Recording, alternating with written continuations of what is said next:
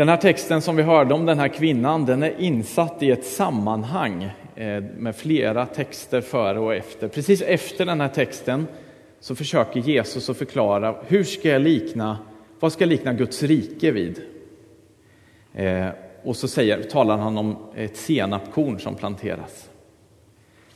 Jag tror att den här texten är ett exempel på hur Guds rike manifesteras eh, i världen när det går fram. Och även innan texten så handlar det om en, eh, eh, ett träd, en trädgårdsmästare eh, som går runt i en trädgård. Så kommer hans herre till honom och säger det där trädet, det har inte gett någon frukt på lång, på lång tid. Du planterade för tre år sedan och jag har inte sett någon frukt på det överhuvudtaget. Varför? Hugg ner det. Men då säger trädgårdsmästaren, nej, vi ger det en chans till. Låt mig få gräva runt det och gödsla ordentligt, så kanske det kan få bära frukt. Det är också ett exempel på hur Guds rike manifesteras. Den här trädgårdsmästaren, det är ett exempel på Jesus, hur han är. Han ger inte upp någon människa. Det finns inga hopplösa fall. Gud öser sin kärlek över oss. Ibland kan vi känna oss hopplösa. Kanske har vi, jag vet inte om du, hur du har det, men kanske har du fallit i någonting som du lovat dig själv att det här ska jag aldrig göra mer. Och så gör du det på nytt igen. Eh, men Gud har inte gett upp om dig. Kanske du eh, tycker att, ja men varför? varför? Varför ser jag inte mer frukt i mitt liv? Alltså Gud, jag har ju fått uppleva Jesus, hur, hur han älskar mig, men jag ser inte, jag ser alla andra hur, hur, hur goda de är, men själv känner jag mig så ond. Jesus har inte gett upp om dig. Han säger kom till mig. Jag vill ge, ge mer av din, du ska få upptäcka mer av min kärlek. Jag har gjort allt, jag vill förlåta, jag vill ge mer näring till dig. Så kommer du bära frukt. Det är så Guds rike manifesteras. Och så ser vi också i den här texten som vi läste nu också hur Guds rike också manifesteras på ett annat sätt. Eh, och vi ska stanna inför tre olika saker som Guds, hur Guds rike, tre olika aspekter som den här texten visar oss att Guds rike manifesteras på. Eh, och vi ber ju i, snart i slutet på, eller en bit ytterligare senare i gudstjänsten så kommer vi be vår Fader. Och där så ber vi i vår Fader, låt ditt rike komma. Vi ber att Guds rike ska komma ibland oss. Eh, en dag så kommer vi få se Guds rike komma i härlighet, i, i fullkomlighet. Men än, nu ser vi det inte riktigt än. Men vi kan få se, vi kan få glimtar av det och vi kan få se hur Guds rike kommer. Genom att vi får uppleva eh, att människor blir återupprättade. Som den här kvinnan som vi, som vi såg i filmen. Eh, men så ser vi också att när Guds rike kommer så väcker det också motstånd. Det var inte alla som blev glada när den här kvinnan, en kvinna som det står har varit bunden av Satan i 18 år. Hon har varit sjuk i 18 år, men alla blev inte glada när hon blev frisk. Eh, men samtidigt så ser vi också att när Guds rike kommer så väcker det fascination och glädje hos några, eller hos många människor också. Så det är de tre aspekterna som vi ska stanna för idag. Att när Guds rike kommer så återupprättas människor, men det möter motstånd, men också fascination för Jesus, en ökad fascination för Jesus. Som sagt, en människa återupprättas i den här texten. Hon har varit bunden av Satan i 18 år. Eh, och Jesus möter henne och återupprättar henne. Han gör henne frisk. Han ber för henne. Troligen så fanns det de människor som, eh, det är bara att gå till mig själv, liksom, att, att vi försöker ju möta alla människor lika, men det är lätt att se ner på människor. Särskilt de som är sjuka, och säkert fanns det de som såg ner på den här kvinnan och tyckte illa om henne. Och tyckte kanske att hon, vi vet det finns andra texter som säger, det till och med Jesu lärjungar säger att, Men hade de här människorna syndat mer eftersom eh, det här tornet, Siloam-tornet, föll och dö, de fick dö? Om vi tänker att ja, men kanske det beror på att de är mer syndiga, liksom, att de är sjuka. Men det säger Jesus, det gör det inte. Men det här blev ett tillfälle där Guds rike fick manifesteras och eh, Eh, Guds, Gud fick visa vem han, vem han är när han återupprättade och befriade den här kvinnan och satte henne i frihet. Och vi ser hur kvinnan reser sig upp. Hon varit bunden, hon reser sig upp. Hon varit böjd, inte kunnat se fram och möta människorna ordentligt. Nu reser hon sig upp, befriad och fri och prisar Gud. Kanske du sitter här som har blivit bädd för, kanske är sjuk och inte upplevt ett helande. Och som jag sa lite i inledningen så, så, är det så, vi förstår inte alltid varför inte alla människor blir helade. Men Bibeln säger att Guds rike kommer inte fullt ut nu. Eh, men en dag så ska det komma fullt ut. Eh, och det ska inte hindra oss från att gå till Gud med allting. Men alla blir inte helade. Och det är ett mysterium, vi förstår inte varför. En del får eh, gå med sjukdom under en längre tid. Och även den här kvinnan, hon hade dragits med den här sjukdomen i 18 år. Säkert hade hon bett till Gud. Eh, men så kom den här dagen när Jesus grep in. Då var Guds tid inne. Vi vet inte när Guds tid är inne, men vi kan be för människor. Eh, och så får Gud när hans tid är inne. Ibland sker det inte på den här eh, sidan av jorden och vi vet inte varför. Vi ber för vänner så ser vi inte alltid att Gud griper in. Vi kan kämpa en lång tid och kanske en nära vän till och med går bort i cancer eller en annan sjukdom. Eh, och vi förstår inte varför. Men Gud är god och han eh, låter det bli på bäst, bästa sätt för oss. Det står på ett annat ställe Alltså jag är pappa, jag har fyra barn. Eh, och jag vet ju det att om en av mina barn kommer till mig och säger pappa, jag behöver en macka. Inte går jag och letar upp en giftorm och ger till honom.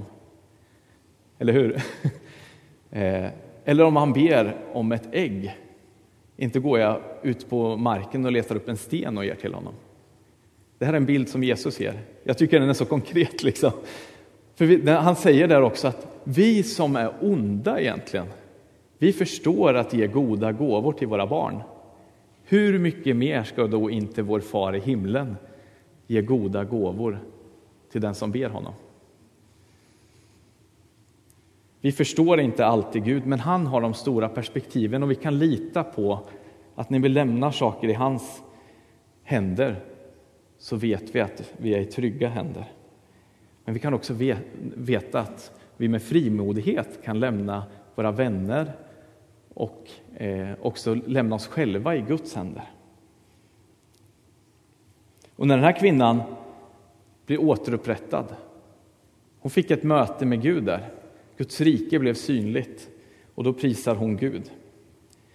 Men så såg vi också att det var inte alla som gillade det som hände.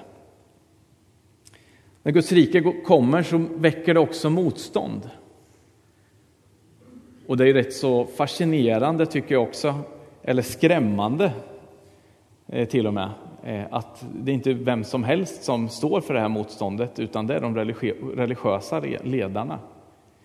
Eh, och jag, jag skräms lite över också för att jag tänker själv liksom, oj, Jesus, låt det få, inte få bli så att jag står i vägen när du vill handla.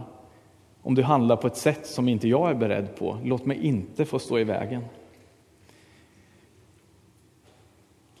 De sa så här, det finns sex dagar som man kan arbeta på. På den här sjunde dagen, den har Gud satt så att vi ska vila på den. Så det här kan inte vara Gud som handlar. Det var deras slutsats. Men det var ju Gud som handlade. Jag arbetar till var, på vardagarna på en organisation som heter Open Doors och där får, vi möta, får jag möta många kristna ute i världen som är förföljda för sin tro. Eh, och ganska genomgående eh, så är det många som säger att när man frågar var, så säger de att varför för, blir man förföljd? Liksom? Så är det många som svarar att vi förstår inte varför. Vi handlar ju bara gott, vi har bara goda saker. Var, varför möter vi sånt motstånd? Hur kan man göra ont emot någon som bara vill gott? Det är liksom obegripligt. Och i texten, det var ju bara något gott som hände. Hur, hur kan människor vill, inte bli glada?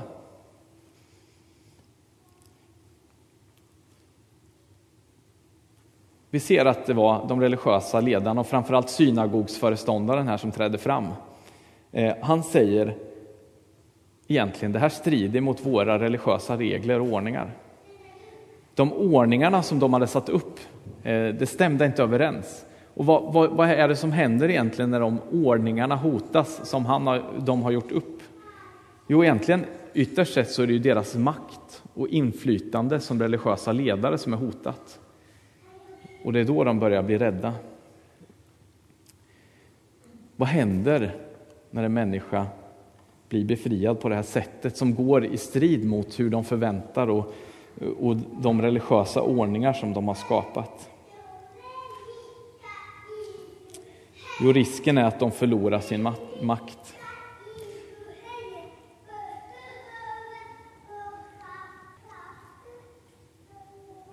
Så när Guds rike går fram ibland oss, då behöver vi vara beredda på att det möter motstånd. Men vi kan samtidigt vara frimodiga och frimodigt hålla fast vid Guds löften som han har gett oss. Eh, och det är någonting som vi också som församling vill ta fasta på.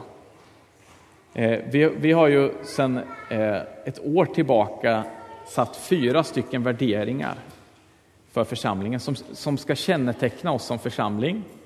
Eh, både som vi tänker att så här, det här tycker vi att vi ser och kännetecknar vår församling, men också mål som vi vill liksom att det ska forma vår församling. En av de här eh, värderingarna är att vi genom Guds nåd vill vara modiga och ta nya steg. Och det innebär för oss att vi vill lyssna till vad Bibeln säger. Vad säger Guds ord till oss? Och så vill vi också vara modiga att följa det, även om det kostar oss någonting, även om det får sociala konsekvenser för oss. Och så vill vi också våga ta nya steg, bryta ny mark. Så låt det här få bli ett böneämne för oss när hösten nu ligger framför oss, att vi som församling ska få vara en plats där Guds rike blir synligt. Eh, där människor får bli återupprättade, även om det skulle kosta oss någonting.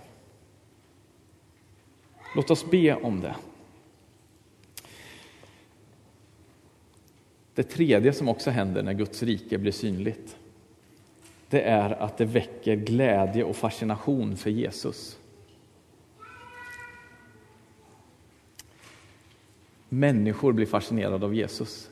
Vi blir inte fascinerade av någon speciell ledare egentligen, stora ledare, utan av Jesus. Här i texten så läste vi att folket jublade över hans underbara gärningar som Jesus utförde. Människor blir återupprättade och vi fascineras av Jesus.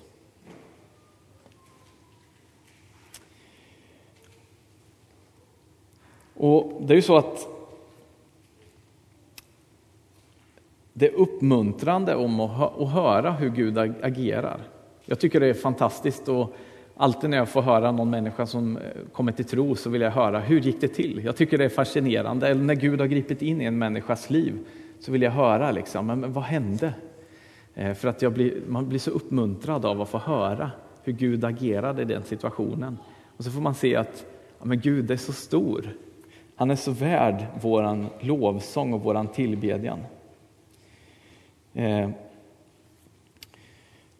och eh, hans tankar och hans planer går så mycket högre än våra. Ofta är det så att vi kan få brottas ibland med Gud. Eh, själv hade jag en period eh, när, jag, när vi bodde i Småland eh, där, där vi arbetade i en förening eh, för att få nytt liv och jag brottades väldigt med Gud. Jag jobbade Eh, i en skola för att få, få inkomst och sen så på söndagarna och helgerna så jobbade jag där för att, ideellt för att försöka få nytt liv i den församlingen. Det var väldigt tufft på många sätt och jag brottades och bad till Gud, brottades med min egen kallelse. Eh, och sen var eleverna väldigt tuffa emot mig. De visste att det här var en oerfaren lärare som de kunde spela ut. Eh, och särskilt en klass, de hade haft vikarier upp genom alla åren. Så de visste precis hur man spelade ut vikarier. Eh, och så en dag så, så bara orkade jag jag sov jättedåligt på nätterna. Så en morgon så orkade jag bara inte mer, så jag sa till Gud att ja, men Gud, nu orkar jag bara inte mer. Du har sagt själv i ditt ord att du ska inte pröva oss över vår förmåga. Eh, kan jag inte bara få se, för det var också så att jag hade vikarie fram till sommaren. Sommaren började närma sig. Jag visste inte vad väntade. Eh, min fru Rakel var hemma med barnen, så det var jag som stod för också inkomsten i hushållet. Jag visste inte vad, vad som skulle hända efter sommaren. Allt var så ovisst. Så jag bad till Gud, men Gud visa mig ett steg framåt åtminstone. Kan jag inte få se ett steg? Eh, samma kväll så ringde han som ansvarar för Open Doors arbete och frågade du, vi har en tjänst ledig. Skulle du kunna tänka dig att börja arbeta på Open Doors? Eh, så Gud bara öppnade någonting som jag inte... Det var mitt drömjobb. Jag hade liksom, för, för Gud har verkligen planterat någonting som gäller just de förföljda kristna på mitt hjärta. Eh, och jag hade varit engagerad ideellt där också, men det fanns inte på min karta att Gud skulle öppna den möjligheten. Men han vet när hans timing är inne. Eh, och vi behöver också se det ibland. Liksom. Ibland behöver vi brottas för att vi ska se, eh, vi ska liksom komma till den punkten att men, jag fixar inte det här på egen hand. Och, Och, för att jag, det ska vara tydligt för mig själv, det här var inte någonting jag hade åstadkommit, utan det var någonting Gud gav mig i, i den stunden. Eh, och det är fantastiskt att få se eh, också andra människor växa och få del av vem Jesus är. Eh, som jag sa tidigare, jag har ju fått möta genom det här jobbet också då, som jag har nu eh, i Open Doors, många människor eh, som kämpar för sin tro skull ute i världen. Men deras erfarenheter har också fått vara med och bära mig många gånger i mina utmaningar. Deras erfarenheter som de har gjort. Och när man får se en glimt av Guds suveränitet så blir man så tacksam att man får vara ett barn till honom. Till han som är en god far. Och jag reser en del runt i församlingar i Sverige och berättar om våra förföljda syskon och får också dela vittnesbörd till uppmuntran. Och vid ett tillfälle, jag hade besökt en församling i Småland och så några år senare så kom jag tillbaka till samma församling. Och efter mötet så var det en man som kom fram till mig och så sa han så här att du vet, vi, vi har börjat be för folk. Eh, vi, vi, går ut på fredagskvällarna och så ber vi för människor. Och så får vi, vi ber bara i all enkelhet, vi lägger händerna på dem och så ber vi att i Jesu namn så ska de få bli friska. Och vi ser hur människor får bli friska.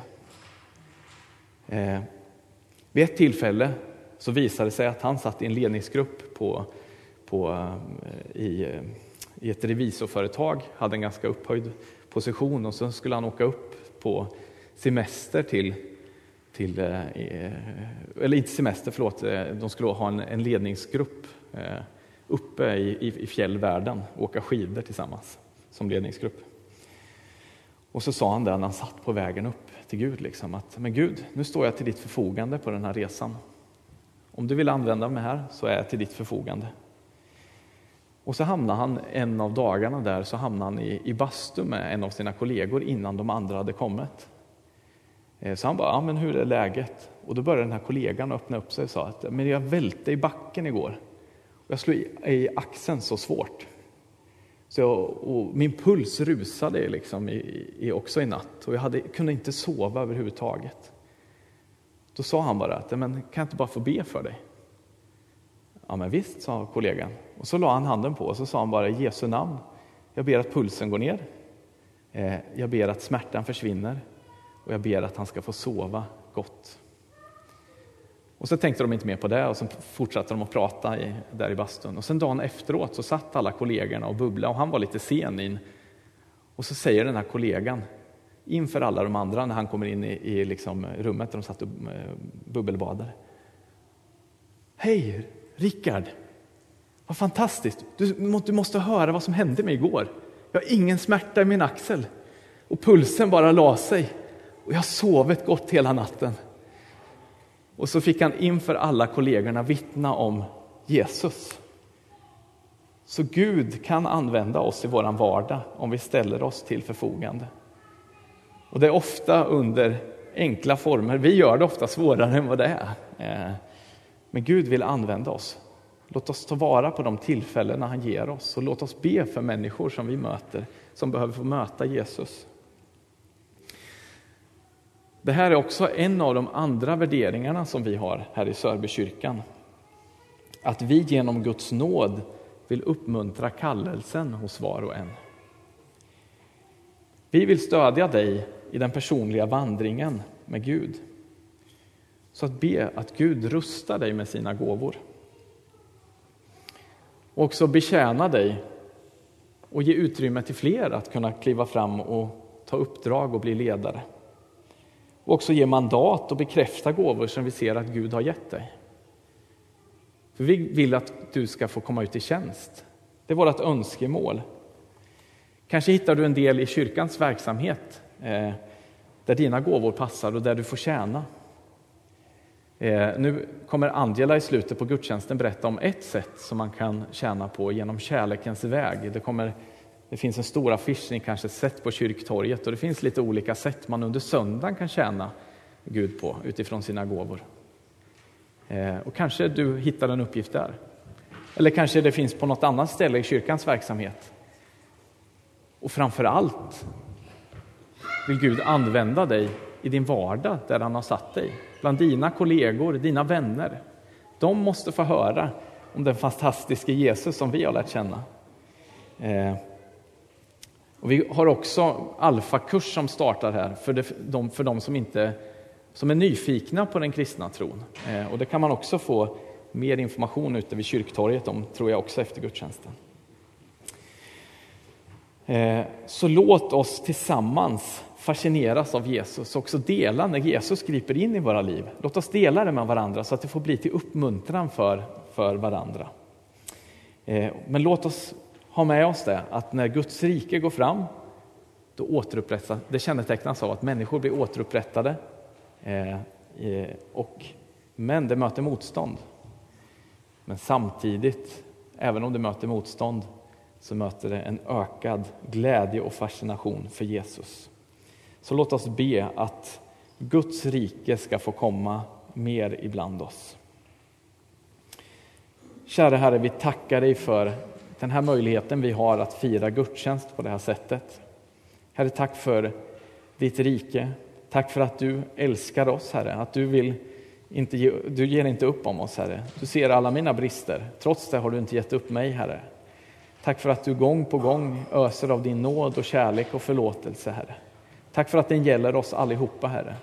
Och att den också gäller oss ute på Sör, utanför kyrkan på Sörbyängen och våra kollegor och vänner som inte har fått mött dig, Herre. Vi ber, Herre, att du ska sända oss ut i tjänst för dig, Herre, och använda oss där du har satt oss med de gåvor som du har rustat oss med, Herre. Herre, vi ber om det, Herre. Och vi ber också att du ska vara med oss och välsigna den här söndagen fortsatt också, gudstjänsten. Så att den får bli till ära för ditt namn, Herre, för din storhet, för du är stor, Herre. Eh, och du gör stora under ibland oss, Herre. Eh, och ditt namn är värt allt, Herre, eh, och upphöjas och äras, Herre, över allt. Vi lämnar allt i dina händer och ber om allt i Jesu namn.